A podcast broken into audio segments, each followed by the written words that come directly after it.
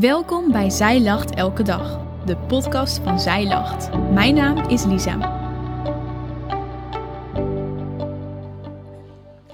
Dit is de overdenking van 5 juli door Mandy Wittekoek. Gisteren hadden we het over de bijzondere taak die Maria kreeg en over haar antwoord daarop. Vandaag wil ik een andere vrouw uit een bekende Bijbeltekst focussen. Eentje zonder naam, maar met net zo'n bijzonder verhaal. De bloedvloeiende vrouw uit Marcus 5. Lees mee en laat je verwonderen over haar moed. We beginnen met wat context. In de tijd van de Bijbel waren vrouwen die menstrueerden onrein. In Leviticus staat duidelijk wat dat betekende voor een vrouw, namelijk in hoofdstuk 15, vers 19.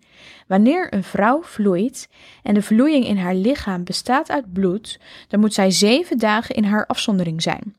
En ieder die haar aanraakt is onrein tot de avond. Best een hele impact toch, voor iets dat maandelijks weer terugkomt. Wat betekent dat voor een vrouw die al twaalf jaar aan bloedverlies lijdt?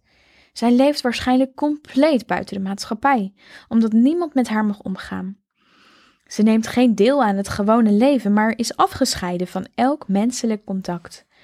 Ze mag zich niet onder de mensen begeven, nooit.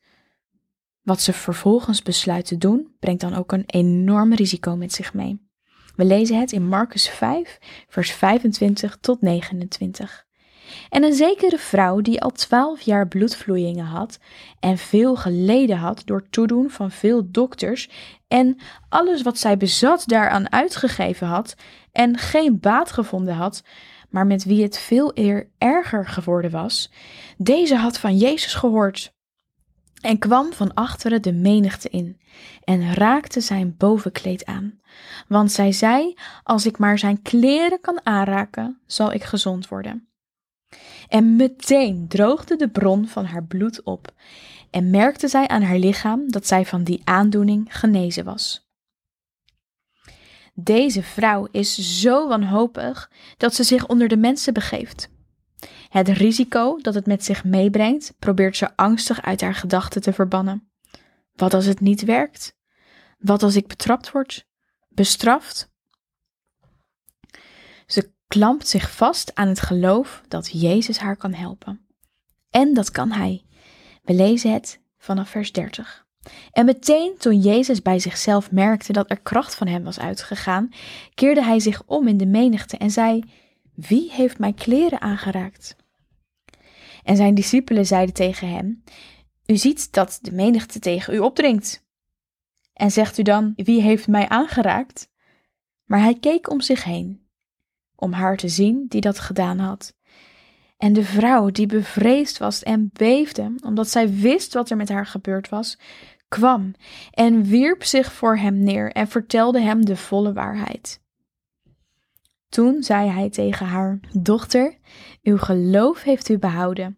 Ga heen in vrede en wees genezen van uw aandoening. De vrouw wordt betrapt. Ze is bevreesd en beeft, want ze weet wat dit moment kan betekenen. Wat voor straf zal ze krijgen? Maar Jezus doet niets van dit alles. Hij doet iets dat haar verstand ver te boven gaat. Hij noemt haar dochter.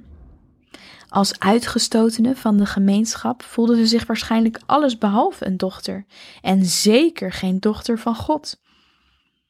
Jezus noemt haar dochter en hij zegt dat ze behouden is. Ze hoort bij God. De moedige stap die de vrouw zette, deed haar leven op de grondvesten schudden. Vanaf die dag was alles anders. Ze kon weer terugkeren in de maatschappij, maar nog veel belangrijker, ze had de zekerheid dat ze bij God mocht horen. De moeilijkste stappen kunnen de meeste zegen in zich hebben. Dat bewijst dit Bijbelverhaal. Net als Maria zette deze vrouw een stap die tegen alles inging, maar die het grootste verschil maakte. Jezus is met je en weet hoeveel moeite het je kost om iets te doen dat angst aanjaagt. Durf je met Hem die stap te zetten?